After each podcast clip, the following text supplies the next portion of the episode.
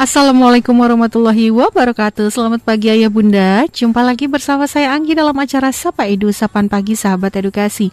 Nah untuk menemani pagi ayah bunda Tentunya ayah bunda semua bisa dengarkan kami melalui suaraedukasi.kemdikbud.go.id Atau melalui aplikasi televisi edukasi. Dan ayah bunda juga bisa loh download podcast program acara Suara Edukasi melalui aplikasi Spotify. Baik ayah bunda tetap bersama kami Karena yang berikut ini kami akan segera kembali Kembali bersama Sapa Edu ya Bunda. Pastinya hanya di Suara Edukasi Akrab dan Mencerdaskan. Bagaimana kabar Ayah Bunda pagi ini? Mudah-mudahan Ayah Bunda dan keluarga selalu dalam keadaan sehat walafiat ya Ayah Bunda. Dan pastinya nggak lupa nih Ayah Bunda juga selalu ingatkan Si kecil di rumah untuk terapkan protokol kesehatan setiap harinya Dengan 5M ya. Memakai masker, menjaga jarak mencuci tangan, menghindari kerumunan, dan juga membatasi mobilitas. Patuhi 5M ini jika kita sayang diri sendiri dan juga keluarga.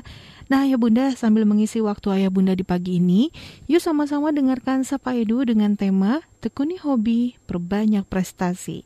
Wah, pastinya ini merupakan salah satu harapan ayah bunda ya kepada anak-anak ya.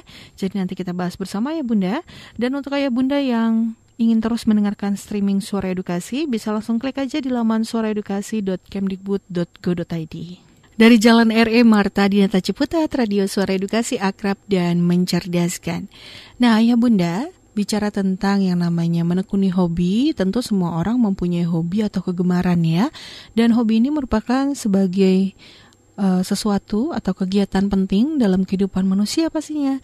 Sebagai aktivitas, hobi ini tentunya merupakan bentuk penyaluran hasrat atau keinginan yang pastinya ada beberapa juga hobi yang dapat menyehatkan bagi kita semua. Nah, hobi ini dilakukan untuk berbagai maksud dan juga tujuan ya ayah bunda atau keperluan. Ada hobi yang dilakukan untuk menyalurkan bakat, ada yang dilakukan untuk mengisi waktu luang, ada juga yang dilakukan untuk menjaga kondisi tubuh atau menjaga kesehatan. Ada yang juga dikerjakan uh, sekaligus sebagai mata pencarian dan juga masih banyak lagi. Nah, ada banyak sekali hobi yang dapat kita tekuni. Misalnya aja seperti membaca, menulis, fotografi, bermain musik, mancing, berburu, berselancar, camping, mendaki gunung, koleksi perangko, berkebun, bertaman, traveling, memelihara hewan, dan juga olahraga. Nah, hobi-hobi ini tentunya dapat dilakukan dengan berbagai pola dan juga variasi. Nah, setelah berikut ini sama-sama ya ya Bunda, kita bahas terkait tentang cara menekuni hobi sehingga bisa menjadi prestasi. Nah, pastinya ayah bunda menginginkan anak-anak bunda menjadi anak yang berprestasi kan ya. Nah, ini semua bisa dimulai dari hobi loh ayah bunda. Kembali bersama Sapa Edu ayah bunda, hanya di Suara Edukasi Akrab dan Mencerdaskan.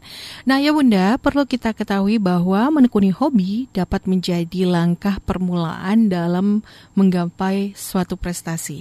Tidak sedikit orang meraih prestasi tinggi di tingkat nasional dan juga internasional yang berawal dari menekuni hobi loh ya bunda.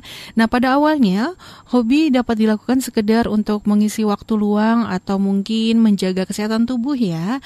Namun lama kelamaan kegiatan itu menjadi aktivitas yang tentunya terprogram gitu ya atau terpola atau terjadwal dengan baik.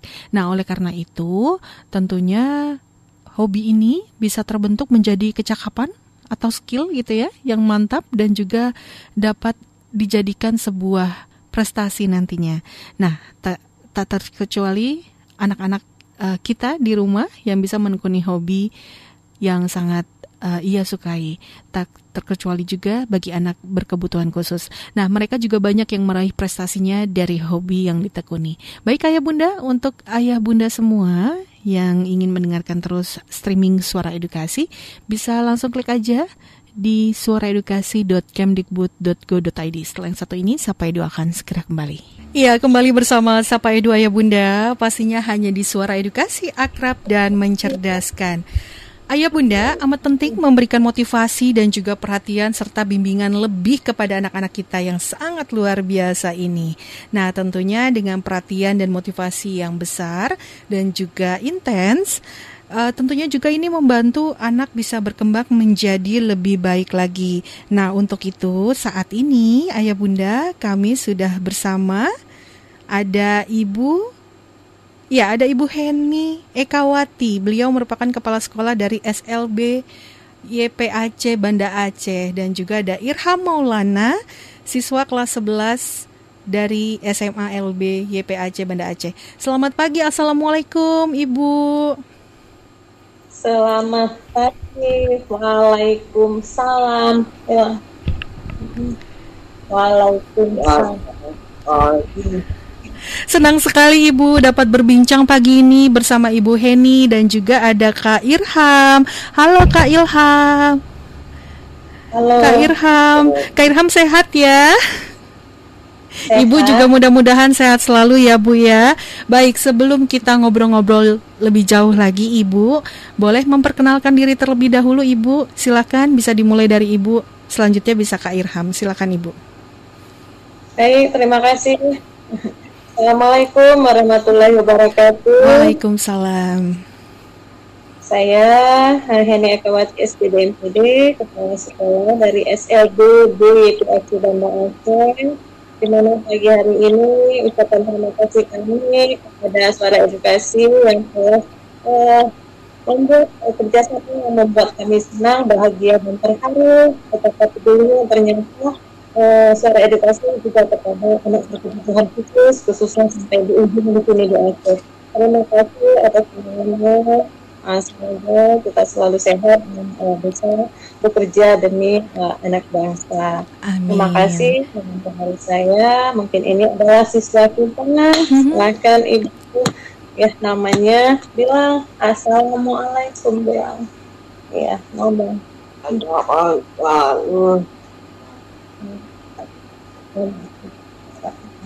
nama nama nama siapa? Irfan oke sekarang Irfan kelas berapa sekarang Irfan mengatakan dia kelas 2 SMA LB Iya. sekolahnya di mana? SD YPAC Banda Aceh ya. Baik. Senang sekali ya kita bisa ngobrol-ngobrol langsung nih sahabat edukasi bersama Kak Irham dan juga Ibu Heni. Nah Ibu bicara tentang yang namanya hobi, pasti hobi yang dimiliki oleh anak-anak kita ini sangat beragam ya Bu ya. Uh, sebagai orang tua tentu kita juga harus selalu mendukung apa pun hobi si anak selama itu hobinya positif. Nah Ibu, saya mau tanya ke Kak Irham dulu nih Ibu. Apa sih hobi yang sedang ditekuni saat ini Kak Irham? Irham apa hobi apa hobi oh oh Oke, Kak Irham. Hmm, Kak Irham sangat menyukai bulu tangkis, sahabat edukasi. Nah, kalau boleh tahu nih Kak Irham, sejak kapan sih Kak Irham ini menyukai hobi bulu tangkis? sejak kapan Irham suka olahraga bulu tangkis sejak dari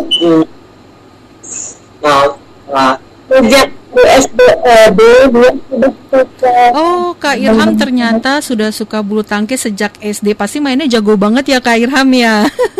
Baik. Nah, Kak Irham, bagaimana nih cara Kak Irham ya membagi waktu antara melakukan hobi dan juga kegiatan lainnya, Kak? Silakan. Nah, bagaimana cara membagi waktu untuk melakukan kegiatan hobi dengan eh, kita hobi melakukan hobi di waktu yang seminggu hmm. lebih main dulu kalau belum Tuhan melakukan aktivitas di rumah Oke. sesuai Iya, jadi Kak Irham ini sudah menjadwal ya kegiatan uh, bulu tangkisnya kapan, terus kegiatan di rumahnya tuh bisa diatur, bisa disesuaikan dengan jadwal bulu tangkis Kak Irham ya. Nah, baik, saya ke Ibu Guru Heni. Ibu, Ya, bagaimana pendapat Ibu terkait dengan tema kita pada hari ini, Ibu? Tekuni hobi, raih prestasi? Silakan Ibu. Uh, pendapat itu ya dengan tanah ini hal itu itu hobi raih prestasi Alhamdulillah sangat baik dan sangat bermanfaat kegiatan ini di mana dengan membangun uh, hobi hobi anak berkebutuhan khusus uh, terus ini aku bisa menghargai yang memang hobi mereka ini memang tidak ada di kami tapi tapi sudah uh, menyampaikan di dunia ini mungkin selama ini dunia belum mengetahui uh, mereka bahwa mereka juga punya hobi yang sama seperti anak uh, umum di sekolah lain betul sekali. Itu uh, pendapat saya. Terima kasih. Mungkin bisa lagi nanti selain Rehan dan teman-temannya. Iya. kita kembali. Iya betul sekali.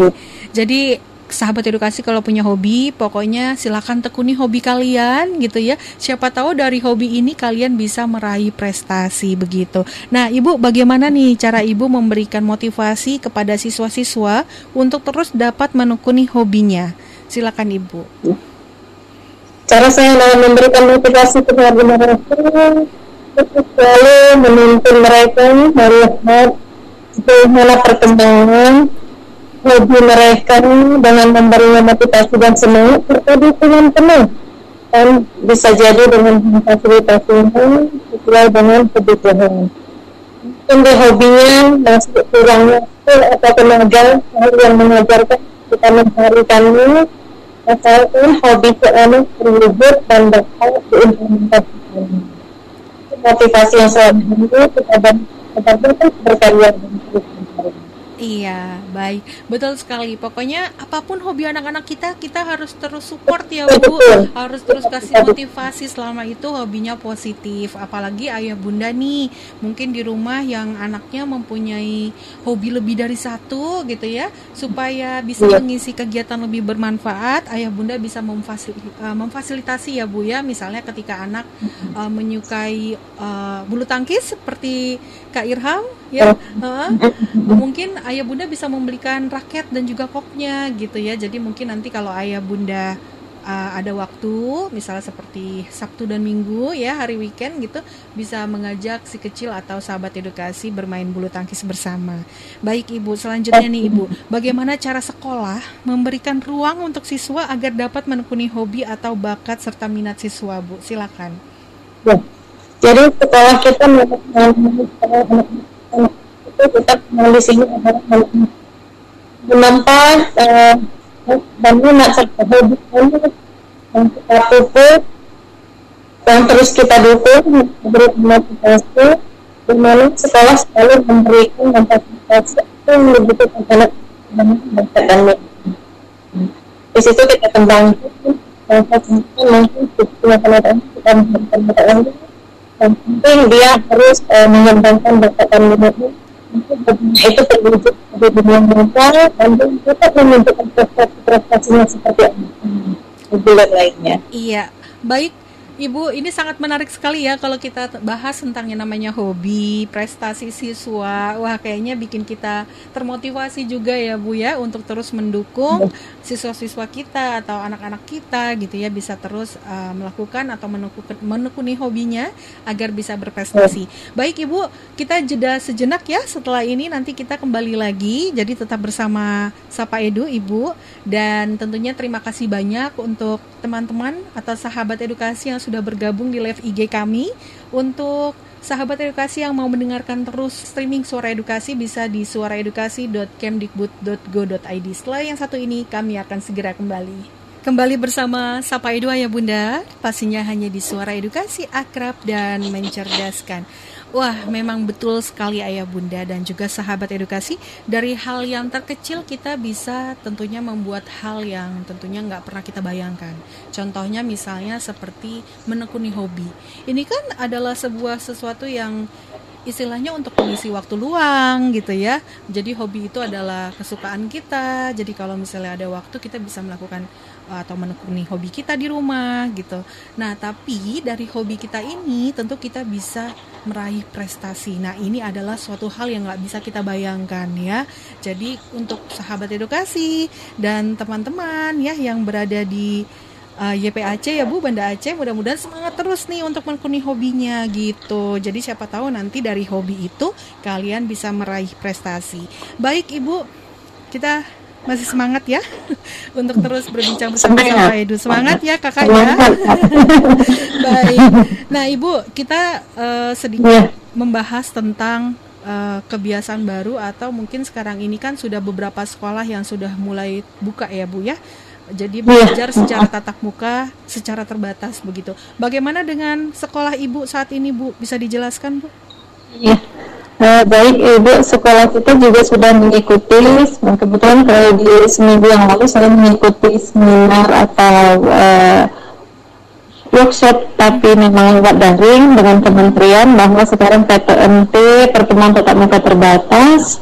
Uh, kita juga mengikutinya sesuai dengan instruksi dan arahan di mana sekolah kita sudah menjalaninya PTMT pertemuan tatap muka terbatas memang pada dasarnya kalau di sekolah kita kan maksimalnya siswanya lima dalam satu kelas karena mereka adalah anak berkebutuhan khusus. Ya. Uh, jadi jika memang sudah lebih dari lima anaknya kita uh, sip tetap bagi sip. Jadi misalnya ada enam kita anaknya dibagi dua jadi tiga hari ini tiga besok. Okay. Di mana pembelajarannya mungkin kita bedakan seperti daring yang sudah-sudah. Mhm. -huh. Arti kata, jikalau kita daringnya itu hanya di rumah diberikan maksudnya uh, mungkin hari ini kita diberikan oleh sang guru uh, melalui uh, video call kah atau melalui WA kah gitu itu sepertinya tidak jalan jadi setelah kita evaluasi yeah. Uh, sebaiknya kita lakukan jika hari ini kelas A yang sekolah yang belajar untuk tugas besok dia tidak tertatap muka dia hanya labelnya tidak tatap muka, tapi dia tetap bersekolah di rumah dengan memberi tugas hari ini, di mana lebih real disuruh diperintahkan oleh si gurunya. Karena anak e, berkebutuhan khusus, jikalau bukan orang tuanya yang menyuruh, dia mengatakan bukan ibu yang suruh, dia bermalas-malasan. Okay. Tapi kalau sudah gurunya yang nyuruh, dia lakukan besok di hari e, selanjutnya, keesokan hari kan e, jadwalnya dia lagi untuk bertatap muka, mm-hmm. di mana di situ dia memberikan tugasnya, sehingga e, pertemuan tatap muka terbatas e, kita berjalan, alhamdulillah. Alhamdulillah ya bu ya. Dan pastinya sekolah juga menyiapkan ya. sarana dan prasarana yang mendukung protokol kesehatan ya Bu ya? Pastinya protokol ketat kita lakukan Ibu di mana kita menyediakan uh, sanitasi air, hmm. mengalir, mencuci tangan. Jadi setiap datang itu peserta didik kita uh, fasilitasi dengan uh, pembersih membersihkan atau mencuci tangan, kemudian menggunakan sanitizer hmm. dan uh, mengecek suhu dan menggunakan masker. Bagi siswa yang tidak membawa masker, kita fasilitasi dengan memberikan masker kepada peserta didik kita. Baik, ini sudah sangat luar biasa sekali ya, ya Bunda. Ini adalah merupakan tantangan baru ya Bu untuk sekolah dan juga para orang tua, di mana siswanya saat ini sudah mulai uh, tatap muka kembali secara terbatas dan pastinya ayah bunda juga harus membantu pihak sekolah untuk selalu mengingatkan anak-anak kita untuk terus menerapkan protokol kesehatan di mana pun berada ya bu ya. Baik ibu sedikit ya, cerita nih bu, pastinya kan ada kendala gitu ya bu ya pada saat pembelajaran Pasti. daring ya. Nah boleh diceritakan sedikit bu untuk teman-teman kita ini yang berkebutuhan khusus ya pada saat melakukan ya. pembelajaran daring apa aja sih bu kendalanya? Silakan ibu. Sangat banyak sebenarnya kendalanya Ibu. Yang pertama mungkin saat kita uh, diinstruksikan untuk BDR atau belajar dari rumah, di mana secara uh, berkesinambungan anak kita kurang paham dengan yeah. BDR karena anak kita semestinya pembelajarannya itu setelah dijelaskan oleh si guru baru kita dalam membuat misalnya pertanyaan atau perintah hmm. tapi tanpa penjelasan dia berbeda mungkin dengan anak reguler yang mungkin langsung bisa dikasihkan uh, tugas tanpa penjelasan dulu. Mm-hmm. Nah, kalau mereka ini sudah biasa kita jelaskan dulu di mana sistem pembelajaran di sekolah saya itu karena kita anak tunarungu mm-hmm. yang biasanya guru itu melakukan penjelasan pembelajaran dengan menggunakan oral atau mulut, mm-hmm. suara bibir, uh, kemudian dengan menggunakan uh, isyarat. Yeah. Dan kemudian dengan menggunakan media gambar sehingga uh, apa uh, mix apa yang diajarkan misalnya hari ini belajar tentang tumbuhan mm-hmm. atau belajar tentang uh, misalnya uh, di IPA-nya ya belajar tentang uh, alat-alat uh, tubuh manusia misalnya mata. Mm-hmm. Nah, Mata itu mereka tahu tulisan mata, tapi saat kita tanyakan mata itu mana dia tunjukkan, kemudian dia tuliskan, kemudian dia ucapkan, kemudian dia isyaratkan. Nah, itu baru jalan sebenarnya pembelajaran kita. Tapi karena daring kemarin, yeah. banyaknya perintah hanya biar meski hanya tiga soal atau lima soal yang disampaikan oleh guru, uh, itu tidak bisa, tidak jalan artinya karena yang menjawab itu orang tua. Yeah. Nah, di mana saat anak itu tidak jalan dan bisa-bisa lagi lebih banyaknya peserta didik e, mengatakan tidak mau e, membuat PR karena apa itu bukan ibu yang suruh tapi mamanya yang menyuruh padahal itu kan sumbernya dari ini nah bagaimana e, trik kita mengata, mensiasatinya karena kita tidak lihat e, secara tugas tidak jalan e, saya instruksikan kepada guru-guru teman-teman semua untuk melakukan call, video hmm. call. Jadi setiap pagi itu uh, mengajak uh, siswanya untuk video call hanya barang 10 atau 5 menit saja. Uh, di situ bukan hanya uh, pembelajaran menulis saja, tetapi mungkin lew lihat uh, lewat video call pembelajarannya menanyakan aktivitas anak. Apakah hari ini sudah makan, sudah mandi, sudah salat, ada bantu ibu di rumah, cuci piring bagi yang perempuan. Nah, itu juga pembelajaran bagi saya bukan hanya menulis uh, sebenarnya untuk anak berkebutuhan khusus itu belajar, tapi secara memandirikan anak juga itu pembelajaran. Di mana pembelajaran itu bagi saya uh, memandirikan siswa. Jadi nanti ditanya, ada nyapu, bantu ibu di rumah. Nah, itu sudah pembelajaran dan sudah mengarah ke sosial atau ke IPS-nya, ke PKN-nya di mana nanti kita uh, tinggal menghitung uh, kamu hari ini jam berapa menyapu, jam berapa bantu ibu memasak, jam berapa salat itu kan sudah terhitung menghitung jadi matematikanya dapat. Jadi dari makna video call juga itu uh, sangat bermakna bagi saya dan itu adalah pembelajaran bagi saya sehingga siswa dan guru melaksanakannya. Karena kalau hanya belajar lewat tugas seperti yang eh, dikatakan ya tidak uh, terjalankan atau tidak um, tidak ada feedbacknya dari yeah. peserta didik kita. Tapi dengan video call, alhamdulillah meski sebentar tapi bermanfaat. Yeah. Meski mungkin nanti saat kita mau video call itu ininya, tapi begitu nanti uh, ini orang tuanya udah kembali lagi dia dengan bermalas-malasan. Itu kendala kita. Sehingga kita me, uh, meminis bagaimana siswa agar dia tetap belajarnya semangat, kita membuat uh, pertemuan intens dengan uh, peserta didik dalam melakukan pembelajaran. Baik. Jadi sekolah hmm. harus membuat strategi ya Bu ya agar ya, pembelajaran benar, bisa berjalan dengan efektif gitu karena memang ya. uh, sahabat hmm. edukasi kita yang berkebutuhan khusus tidak bisa kalau belajar daring itu agak sulit begitu ya Bu ya. Jadi harus tatap muka. Sulit sebenarnya. bukan agak, sulit okay, banget. sangat sulit. Jadi yeah. memang harus video call gitu ya. Alhamdulillahnya sekarang yeah. teknologi mm -hmm. sudah membantu ya Bu ya. Yeah, media jadi, sangat membantu sih. Uh, Jadi apa pun yang terjadi pendidikan harus berjalan yeah. terus ya Bu ya. Baik. Benar, Terima kasih Bu. Ibu dan juga Kak Irham. Nanti kita lanjutin lagi ngobrol-ngobrolnya ya. Dan terima kasih banyak untuk sahabat edukasi yang sudah bergabung di live IG kami. Untuk sahabat edukasi yang mau mendengarkan terus Suara Edukasi melalui streaming bisa langsung klik aja di laman kami di suaraedukasi.kemdikbud.go.id. Setelah yang satu ini kami akan segera kembali. Kembali bersama Sapa Edu Ayah Bunda, pastinya hanya di Suara Edukasi akrab dan mencerdaskan. Nah, Ayah Bunda memang bukan hal yang mudah dan tentu butuh kesabaran ekstra bagi orang tua untuk mengetahui bakat dan minat anak. Bahkan sedari kecil ayah bunda suka mengikut sertakan anak-anak gitu ya ke berbagai perlombaan untuk mengetahui bakat dan minatnya. Dan tentu selain dapat mengetahui bakat dan minat anak, perlombaan juga dapat melatih kepercayaan diri si anak. Nah, Ibu setuju ya Bu ya akan hal ya, tersebut ya, sangat ya Bu ya? Setuju.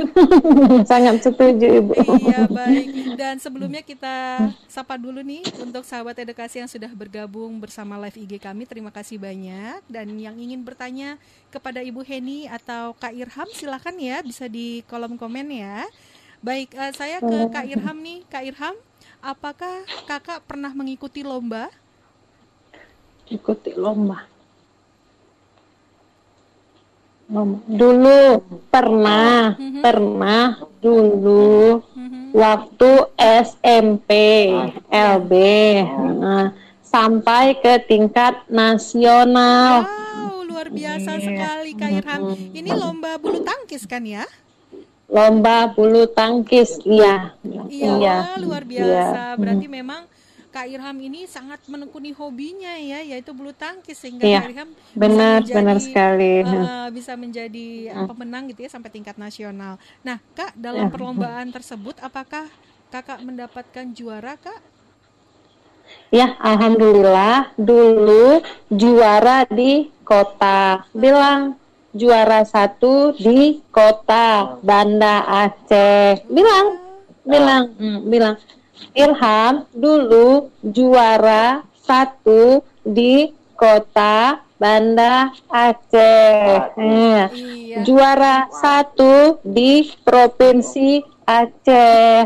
Lalu Irham pergi ke nasional untuk lomba tapi belum juara di nasional tidak apa-apa, terus semangat. Betul sekali. Terus semangat itu udah luar biasa loh Kak Irham ya.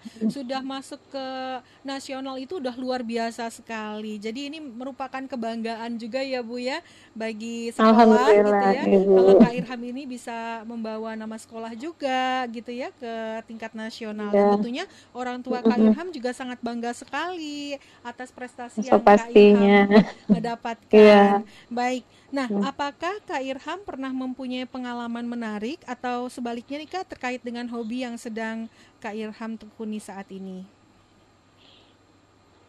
Pengalaman Irham waktu lomba bulu tangkis apa?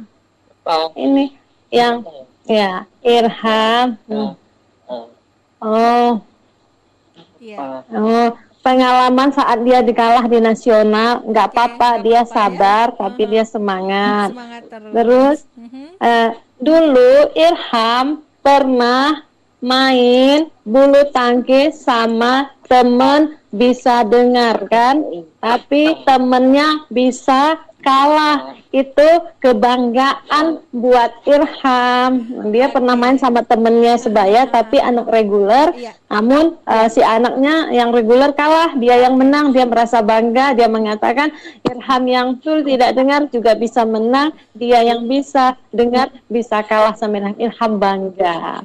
Hebat yeah. hebat ya Kak Irham hebat. Terus tekuni hobinya ya Kak Irham ya. Apalagi kan bulu tangkis ini olahraga Baik, ya, ya.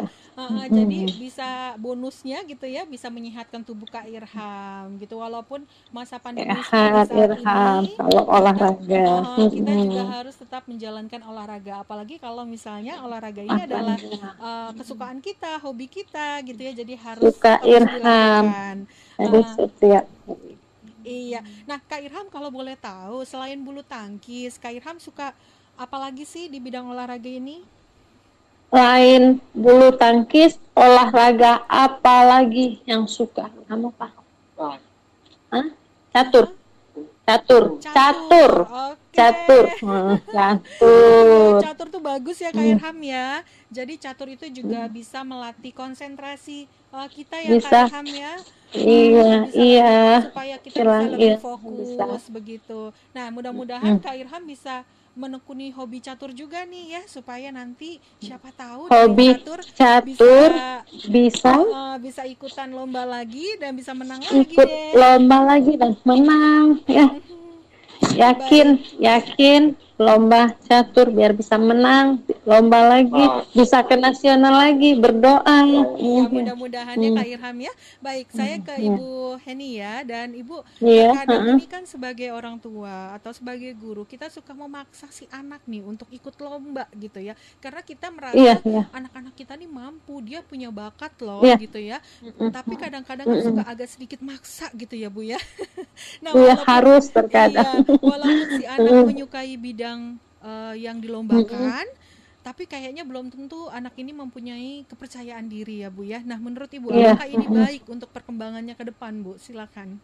Nah, itu jangankan untuk lomba bu ini duduk di samping saya aja begini live dia bilang malu ini makanya dia garuk-garuk dia itu sebenarnya dia salah tingkah bukannya gatel tapi karena dia uh, nggak nggak pede karena malu nah memang itulah mereka uh, dengan uh, yang satu memang sifat ya. mereka yang ya. memang kita harus pahami. Ya, betul. Di mana kalau juga uh, kita bercerita tadi tentang hobinya yang hmm. terkadang sepertinya harus harus kita maksa dikit ya. gitu, padahal dia mau. Nah ini contohnya kan, ya, dia ya. ternyata bisa catur selain olahraga uh, uh, bulu tangkis. Hmm. Nah kita kan kurang tahu andai kan dia tidak menunjukkannya. Nah, di sinilah gu tugas guru atau kepala sekolah saya sendiri dan guru-guru mengetahui harus uh, kesukaan suku-suku anak atau hobi-hobi apa saja yang dimiliki anak.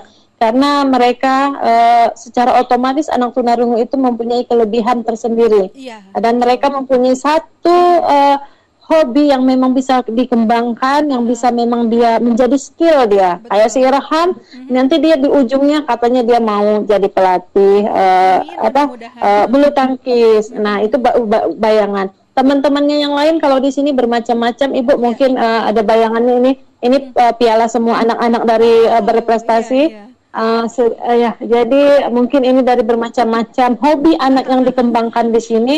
Memang awalnya itu uh, tidak seperti yang langsung jadi ya, seperti Irham juga. Ya. Awalnya mau tapi malu, ma besar malunya daripada maunya. Hmm. Tapi kita dari pihak sekolah, uh, guru dan kepala sekolah terus memberikan motivasi, memberikan dukungan dan memberi pandangan bahwa ini adalah uh, hobi yang bagus. Nanti kalau kamu uh, ini kamu bisa uh, ditahu orang, kamu bisa punya teman yang banyak. Uh, nanti kamu bisa mencari penghasilan dari sini gitu. Jadi harus diiming-imingkan dengan yang positif-positifnya uh, sehingga rasa malu itu dia berkurang secara tersendirinya perlahan. Iya. Kemudian kita harus bilang tidak boleh malu, kita sama seperti orang lain. Betul. Nah, ibu, ayah, mama di rumah bangga kalau kamu bisa, kalau kamu juara, kalau kamu pinter, kami bangga dan kamu juga bangga sama seperti orang lainnya. Di situ uh, kita pupuk selalu setiap harinya, selalu kita pupuk uh, ke, rasa kepercayaan diri mereka. Nah, Alhamdulillah seperti Irham ini tinggal sedikit-sedikit nih grogi-grogi sedikit ya. tinggal. Kalau dulu mah pemalu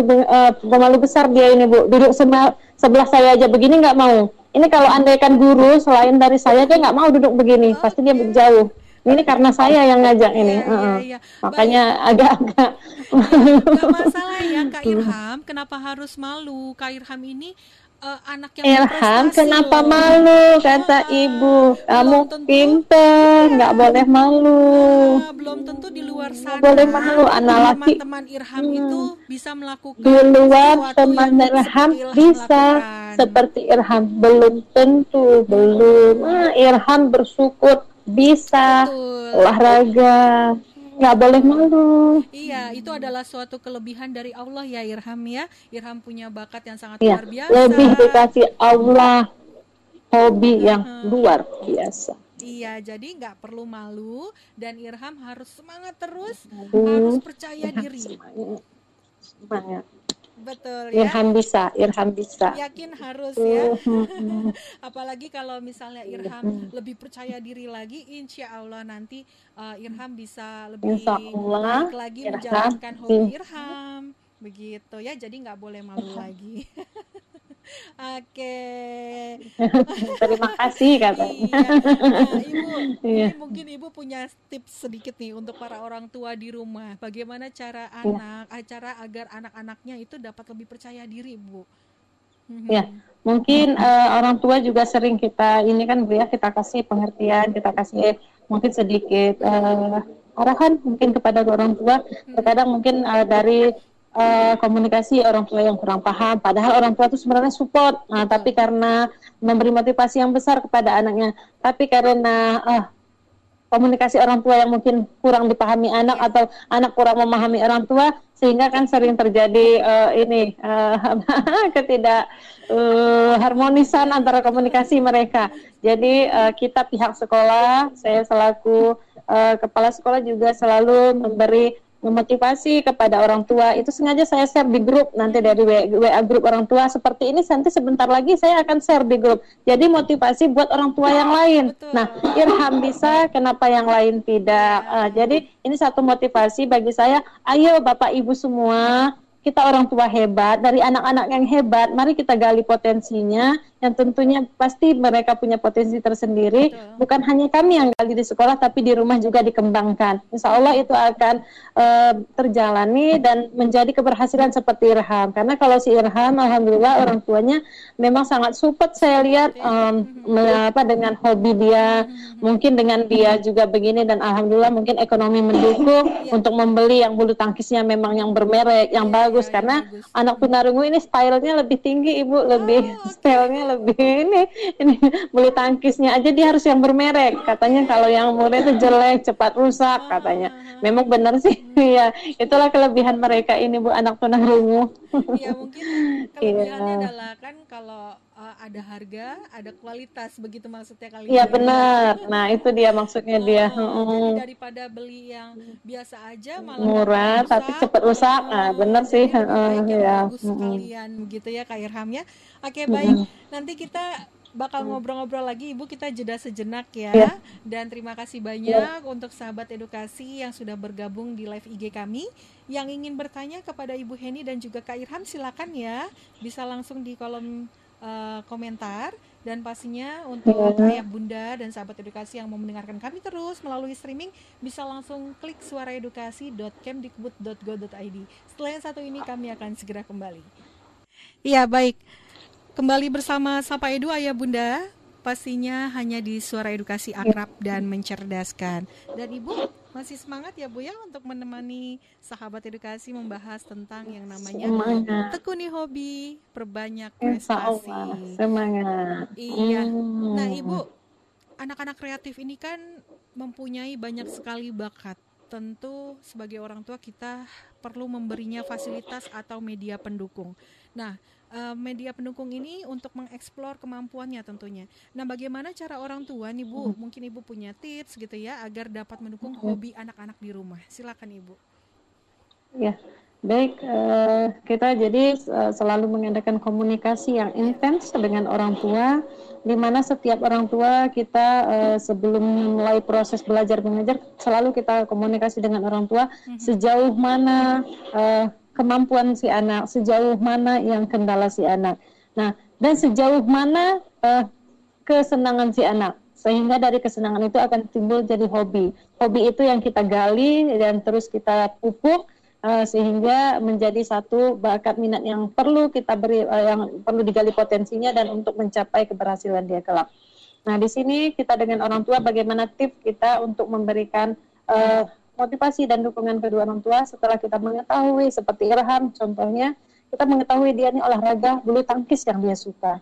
Nah, di samping itu, di samping bulu tangkis dia catur yang dia suka. Di mana bulu tangkis ini adalah nomor satu bagi dia, one untuk segala-galanya. Untuk kegiatan olahraga, kalau sudah jam main bulu tangkis itu dia di depan. Tapi mungkin tidak tidak menutup kemungkinan untuk olahraga yang lain dia agak-agak uh, kurang 100% seperti bulu tangkis karena di situlah bakat dan minatnya. Kami yang selaku guru atau yang mendampingi anak berkebutuhan khusus, kebutuhan khusus harus memaklumi dan memahami bagaimana karakteristik anak uh, peserta didik kami. Jadi kalau seperti Irhan, uh, dia hobinya nih di bulu tangkis. Nah dulu ya pengalaman-pengalaman yang kita lihat, jadi kalau kita memang ada event-event uh, untuk berlomba yang memang sudah ke tingkat provinsi, uh, kita mengadakan hubungan yang harmonis dengan orang tua untuk berkomunikasi. Ini kita uh, kalau tempat secara tempat di sekolah kita uh, kan lapangan ya, lapangan terbuka. Jadi kalau siang ke sore mestinya panas, kalau untuk dia harus latihan intens gitu. Bagaimana kita adakan komunikasi dengan orang tua, mungkin dia bisa berlatih latihan olahraga di tempat bulu tangkis gor yang memang tertutup sehingga uh, tidak uh, mengurangi uh, apa konsentrasi dia kepanasan atau bagaimana. Nah, di situ kita punya hubungan yang baik dengan orang tua dan kerjasama yang baik dengan orang tua. Orang tua sangat mendukung. Jadi kita hanya tinggal mengarahkan orang tua, oh kita bawa ke sini bu si anak, oh kita begini ini Bu si anak. Nah, jadi orang tua si Irham memang sangat-sangat uh, intens dengan uh, perkembangan dan hobi si Irham dan memang sangat didukung penuh oleh orang tua yang saya perhatikan. Nah, ini kebetulan si Irham yang demikian. Sebaliknya, saya juga punya peserta didik dan orang tua yang kurang mendukung memfasilitasi anak. Nah, hmm. mendukung iya, tapi tidak memfasilitasi. Hmm. Jadi artinya sekolah yang terus mendorong, tapi apa boleh buat, tapi iya. itulah kewajiban kita selaku kepala sekolah saya tidak menintimidasi yang ya. mana mendukung, yang mana tidak mendukung. Ya. Tetap kita sama memberikan pelayanan yang sama. meski kita hanya nanti tinggal musyawarah dengan orang tua mungkin satu uh, ini tanda kutip petik kemampuan orang tua Betul. mungkin yang bisa kita maklumi. Ya. Jadi sehingga kita tidak memaksakan. Alhamdulillah kalau si Irham memang uh, orang tua mendukung dan ekonomi mendukung. Ya. Tapi bagi yang tidak juga kita fasilitasi dari sekolah semaksimal mungkin. Yang penting bakat dan minat anak itu tercapai dan bisa dikembangkan. Jadi uh, kewajiban kami seorang guru, kewajiban saya selaku kepala sekolah berhasil untuk mengembangkan uh, skill anak setelah lulus sekolah dari sini. Betul Jadi intens hubungan kerjasama kita dengan orang tua itu selalu jalan dengan baik dengan memberi tips-tips cara-cara kepada orang tua yang maksimal mungkin sekolah yang penting bakat dan minat demikian ibu. Iya, jadi komunikasi antara pihak sekolah dan juga iya. orang tua itu sangat penting sekali ya iya, bu ya. Sangat Uh, jadi iya, kalau ada orang tua di rumah mungkin yang punya kendala ya bunda gitu ya terkait tentang uh, memfasilitasi anaknya boleh juga dikomunikasikan kepada pihak sekolah ya Bu ya. Siapa tahu kan di sekolah ada yeah. ekstrakurikulernya begitu ya. Jadi nanti anak yeah. ayah bunda yeah. bisa mengikuti yeah. eskul di sekolah gitu terkait dengan hobi yang diminati. Nah Bu, orang tua dengan anak yeah. berkebutuhan khusus itu kan tentu membutuhkan energi ekstra ketika mendidik anak-anaknya dan juga tentunya kesabaran ya Bu ya. Jadi Benar ayah bunda sekali. tidak boleh merasa lelah ya ayah bunda ya. Jadi ayah bunda ini adalah orang tua yang hebat dan tentunya sudah menjadi kewajiban kita sebagai orang tua untuk mendampingi dan mendidiknya. Nah, Kak Irham masih semangat ya. Baik Kak Irfan, uh, tadi sudah diceritakan kalau orang tua Kak Irham ini sangat mendukung sekali hobi Kak Irham. Nah, selain orang tua, siapa sajakah yang membimbing Kak Irham siapa untuk lagi? bisa terus menekuni ya. hobi Kak Irham saat ini? Olahraga siapa? Abang. Abang, ah, abang, abang, abang. Okay. bukan orang teman, ah, teman, teman, ya. ya. Kak Irham, hmm. kalau boleh tahu berapa bersaudara Kak Irham? Tuh rumah berapa? Abang berapa? Ada abang abang abang mm-hmm. satu abang. terus mm-hmm. Irham uh. apa abang berapa abang berapa apa iya berapa satu kedua empat empat abang oh empat oh, satu rumah iya. okay. abang nomor satu Irham nomor apa Oh dua. Oh Irham nomor tiga. Adik. Okay. Dia punya abang dua. Dia nomor tiga dan ada adik. Adik Cewek. Oh di Jakarta satunya. Oh, okay. Cewek nggak ada cowok semua. Semua. nggak apa-apa. semua ya. cowok. Ya. apakah kakak Irham atau abang Irham uh, di rumah hobinya sama dengan Irham? Suka bulu tangkis Hobi juga? abang apa sama? Main bulu tangkis? Enggak. Oh lain, lain enggak sama, lain okay, tidak baik. sama. Oh, dia sendiri hobinya bulu tangkis. Oke, baik. Mm -hmm. apa-apa walaupun uh, kita nggak sama hobinya tapi kita harus saling mendukung ya Irham ya. Begitu juga ya. Irham sebaliknya. Hmm. Ya. Irham juga dukung abang adik uh, di rumah. Hmm. Iya kan abang kan sangat mendukung Irham untuk melakukan hobi Irham yaitu iya. bulu tangkis abang, ya. Jadi Irham juga harus kasih motivasi terus kepada ya, abang dan juga, juga adik. Sama. Hmm. Hmm. Baik. Nah, kemudian Irham, bagaimana sih nih kalau boleh tahu ya upaya Kak Irham untuk meraih cita-cita Kak Irham? Irham. Tadi kan Kak Irham cita, ingin cita. sekali menjadi pelatih bulu tangkis katanya. Nah, boleh dong. Jadi Irham, Irham hmm. bilang nanti sudah tamat sekolah ya. mau jadi pelatih bulu tangkis. Ya, jadi pelatih. Hmm. Belum sekarang belum. Nanti hmm. kalau sudah tamat, ya. Irham mau Baru. jadi pelatih nanti bulu tangkis. Hmm. Itu cita-cita Irham. Oke, okay, ya. baik. Mungkin sekarang ini upaya yang sudah Kak Irham lakukan hmm. adalah terus latihan Usahanya ya Kak apa? ya terus terus latihan latihan ah, terus latihan, ya. nah, biar ilham bagus lagi hmm. baik jadi terus latihan sahabat edukasi terus juga uh, apa supaya mainnya lebih baik lagi lebih bagus lagi begitu ya latihannya juga hmm. harus terjadwal harus fokus gitu ya, ya. harus bisa buat bagi jadwal hari apa Betul. jam berapa iya. setiap hari latihannya supaya buat jadwal bilang sama mama Hmm. Hmm. Supaya kalau misalnya sahabat edukasi yang mempunyai hobi lain dari Kak Irham gitu ya, bisa juga nih membuat jadwal di rumah ya, supaya nanti kegiatan lainnya tidak terganggu. Jadi seperti misalnya uh, waktu belajar, waktu istirahat, waktu bersama keluarga, dan juga waktu menekuni hobinya nggak terganggu, harus terjadwal semuanya. Nah, baik, Ibu, saya kembali ke Ibu nih. Iya, silakan Ibu. Bagaimana cara guru nih, Bu, membangun komunikasi yang baik kepada anak-anak? Ya, cara kami di sini membangun komunikasi dengan anak yang penting, yang terutama dan yang wajib. Nah, walau wajib, kalau wajib ini kan harus ya. ya. Guru harus memahami apa yang disampaikan dan apa yang diingini si anak okay. agar tidak terjadinya miskomunikasi. Betul. Karena uh, kami harus mengetahui dulu apa sih maksudnya, apa sih maunya, dan apa yang disampaikannya. Nah, oh, kembali lagi kepada si guru, guru itu wajib mengetahui bahasa si anak. Hmm. Bagaimana dengan mempelajari karakteristik si anak. Hmm. Oh, si Irham, si Irham sedikit mengeluarkan oral atau suara, yeah. tapi lebih banyak ke isyarat. Tapi kami sebagai guru harus mengetahui apa yang dimaksud Irham. Nah, bagaimana dengan siswa yang memang tidak punya suara sama sekali, uh, hanya dengan isyarat? Kami juga harus memahaminya. Yeah. Nah, itu tip-tip yang memang saya tanamkan di sini. Jadi, biar tidak terjadi miskomunikasi antara siswa dengan si guru. Karena mereka jika sudah terjadinya miskomunikasi, pembelajaran itu tidak akan berjalan di sekolah yeah. dan sifat murung itu akan hadir dan tidak akan terjadinya uh, hubungan baik keharmonisan dalam pembelajaran dalam satu hari dan bisa berefek sampai ke rumah. Demikian juga sebaiknya. Sebaliknya, mm-hmm. jika di rumah bermasalah dia akan ke bawah ke sekolah. Karena apa? Sesuatu yang terjadi di rumah tidak tuntas. Mm-hmm. Nah, karena si orang tua mungkin kurang paham dengan bahasa mereka dan mungkin mereka tidak paham apa yang disampaikan orang tua yeah. sehingga miskomunikasi itu selalu terjadi. Untuk itu kita bangun selalu komunikasi yang baik di sekolah antara guru dan siswa.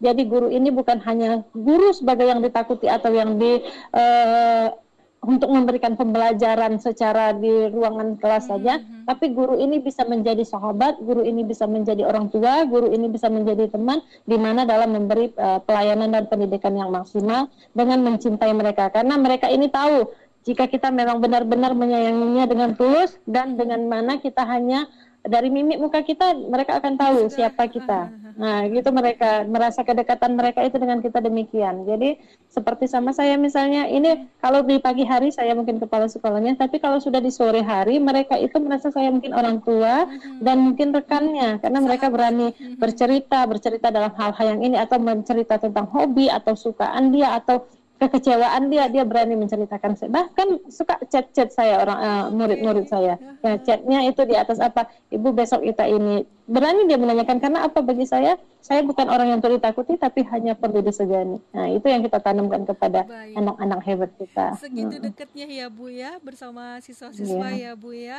Alhamdulillah ya yeah, bu, bu. Uh, Baik, nah jadi kita harus terus jaga komunikasi ayah bunda karena komunikasi iya, itu sangat komunikasi penting. yang baik harus. Betul. Dan terutama hmm. adalah kita harus tahu dulu karakter anak kita seperti apa ya. Uh, misalnya sekali. gini, hmm. untuk sahabat edukasi yang berkebutuhan susu, uh, khusus ini sepertinya bisa dilihat lebih mood swing ya Bu ya. Jadi yeah. kita juga harus lihat ketika anak kita lagi kurang mood kayaknya kalau yeah. uh, kita suruh jangan dipaksakan uh, atau kita memberikan perintah jangan dulu deh yeah. ditahan dulu gitu ya Bu ya. Jadi kita benar-benar harus yeah, melihat benar. karakternya, mm. harus melihat yeah. juga gitu ya agar nanti mm. semuanya bisa berjalan dengan baik begitu. Baik benar, Bu. benar. Uh, terakhir Ibu pesan atau ya, harapan Ibu terkait dengan tema kita pada hari ini Ibu silahkan. Ya, uh, pesan uh, kesannya saya ini sangat berkesan alhamdulillah dan terima kasih. Seperti awal tadi saya sampaikan uh, atas perhatian uh, suara edukasi saya ucapkan terima kasih banyak. Uh, telah mau menyapa hari ini di pagi hari ini anak hebat kita dan sekolah kami yang sangat sederhana. Di mana di sini uh, kita bercerita tentang hobinya si Irham yang kebetulan anak berkebutuhan khusus dengan hambatan tunarungu yang hobinya bulu tangkis. Dan pesan saya untuk semua mungkin suara edukasi juga uh, terima kasih yang sebelumnya dan pesan saya itu harapan saya sebenarnya adalah uh, bahwasanya mereka juga sama mempunyai hak yang sama seperti iya. anak-anak di luar sana. Yeah. Jadi dengan adanya perhatian begini ini akan memicu uh, semangat dan motivasi mereka. Hmm. Ini kayak dia duduk di samping saya, teman-temannya tadi pada nanya, "Ibu, kenapa dia sama ibu kepala pagi ini duduk?" Ah, teman-temannya pada nanya, "Kenapa pagi ini dia duduk sama saya?" Terus saya jelaskan dia mau masuk TV kami kapan masuk TV-nya katanya gitu okay. kan. Nah, itulah anak kita hebatnya. Yeah, Jadi kita yeah, yeah. harus bisa menjelaskannya. Uh. Nanti kamu juga bisa bergantian. Makanya kamu berbuat yang baik terus uh. nanti ibu lihat yang mana yang bagus ibu ambil gantian. Uh. Nah, baru memberi pemahaman baru oh kalau enggak tadi sibuk semua di pintu kenapa dia ini di samping saya hari ini. Nah, itu jadi pesan saya Semoga uh, eh, TV Edukasi juga Suara Edukasi selalu uh, memperhatikan anak berkebutuhan khusus iya. dan uh, kalau bisa sih ini jadi setiap tahun sebenarnya sekolah kita juga selalu terbit sampai ke nasional dalam ajang prestasi atau Baik. bakat dan minat yang dikembangkan siswa. Baik. Alhamdulillah yang tahun ini melukis sama menari kita mewakili provinsi Aceh untuk ke nasional. Iya. Meski di sananya belum menang, tapi ini merupakan suatu motivasi bagi anak kita dan kebanggaan dan kebahagiaan bagi Betul kita. Sekali. Jadi mungkin ke depannya dengan adanya prestasi-prestasi anak mungkin bisa disuarakan di suara edukasi dengan anak yang berbeda mungkin. Harapan kami jadi ini sebagai pupuk dan motivasi bagi siswa kita umum khususnya dan siswa lain umumnya agar Aceh juga bisa. Nah, itu ya. pesan harapan saya. Iya, dan ya, tidak sampai di sini saja mungkin harapan saya kita cukup bertatap muka tapi mungkin kami menunggu informasi selanjutnya dari suara edukasi. Baik, nah, terima kasih banyak dan mohon maaf dari saya. Baik, terima kasih banyak Ibu. Ini hmm. sangat luar biasa sekali ya pengalaman kita pagi ini sahabat edukasi. Kita berbisa uh, berbincang langsung dengan sahabat kita gitu ya yang punya uh, prestasi yang sangat luar biasa dan menjadi uh, suatu kebanggaan untuk orang tua dan juga untuk Aceh ya Bu ya. Baik Kak Irham, hmm. ada yang ingin disampaikan? Mungkin Kak Irham punya harapan atau pesan untuk sahabat edukasi di luar sana. Silakan. Mau apa bilang untuk teman-teman di sana apa? Bilang apa Pak? Bilang. Irham mau apa untuk teman-teman? Ayo teman-teman semua semoga banyak. Mau. Ya. semoga semoga masyarakat di luar sana saya peduli peduli peduli untuk A B K. Ini dari yang tulis sama mereka teman-teman eh, teman-teman umum untuk kembang hobi karena kita juga bisa bilang tadi malam okay. Ilham sudah tulis bilang hmm, okay, jadi tuh harapan si Ilham mungkin dia mengatakan yeah. Uh, semoga masyarakat banyak itu memperhatikan mereka selalu, ABK selalu, dan peduli untuk mereka selalu ke seperti orang-orang teman-teman yang reguler di luar sana, di mana mereka juga bisa mengembangkan bakat dan minat atau hobinya karena mereka juga bisa. Itu uh, itu secara kesimpulannya. Biasa sekali ya. Wah ini bagus banget loh. Ya. Irham ini sudah menyiapkan harapan dan pesannya gitu ya. Bahkan ya. sudah disiapkan dari semalam ya Kak Irham ya sudah ditulis gitu. Mungkin karena masih iya. malu-malu Kak Irhamnya ya. Iya ini masih malu-malunya besar. Nah, pokoknya uh, pesan dari kami Kak Irham nggak boleh malu-malu lagi karena Kak Irham gak boleh malu. Prestasi yang sangat luar biasa. Harus semangat harus yeah. kuat ya uh, karena Kak Irham ini uh, Kak Irham orang di luar sana yeah. belum tentu loh bisa seperti Kak Irham pokoknya itu pesan kami ya mudah-mudahan Kak Irham semangat terus yeah. terus juga yeah. Kak Irham bisa lebih percaya diri lagi supaya Kak Irham juga yeah. bisa uh, menjalankan kehidupan Kak Irham seperti anak-anak yang lain Betul. begitu ya. Jadi nggak boleh malu lagi. Kak Irham hebat. Nggak boleh malu. Irham Kak hebat. Irham hebat iya. ya. Oke terima kasih hebat. banyak Ibu Heni dan juga Kak Irham sudah iya. meluangkan waktunya bersama Sapa Edu. Mudah-mudahan apa yang sudah kita bahas hari ini dapat bermanfaat ya Bu ya untuk para orang tua di iya. luar sana dan juga untuk teman-teman sahabat edukasi untuk uh, Amin. Iya, Amin. kebutuhan khusus. Iya. Lebih semangat lagi untuk menekuni hobinya. Semoga. Baik, terima kasih banyak. Assalamualaikum. Ya terima terima lagi kasih ya? kembali. Waalaikumsalam warahmatullahi wabarakatuh. Baik, terima kasih banyak. Hmm, Terima ada. kasih banyak untuk Kak Ilham dan Bu Heni dan untuk Ayah Bunda Iya. dan juga sahabat edukasi.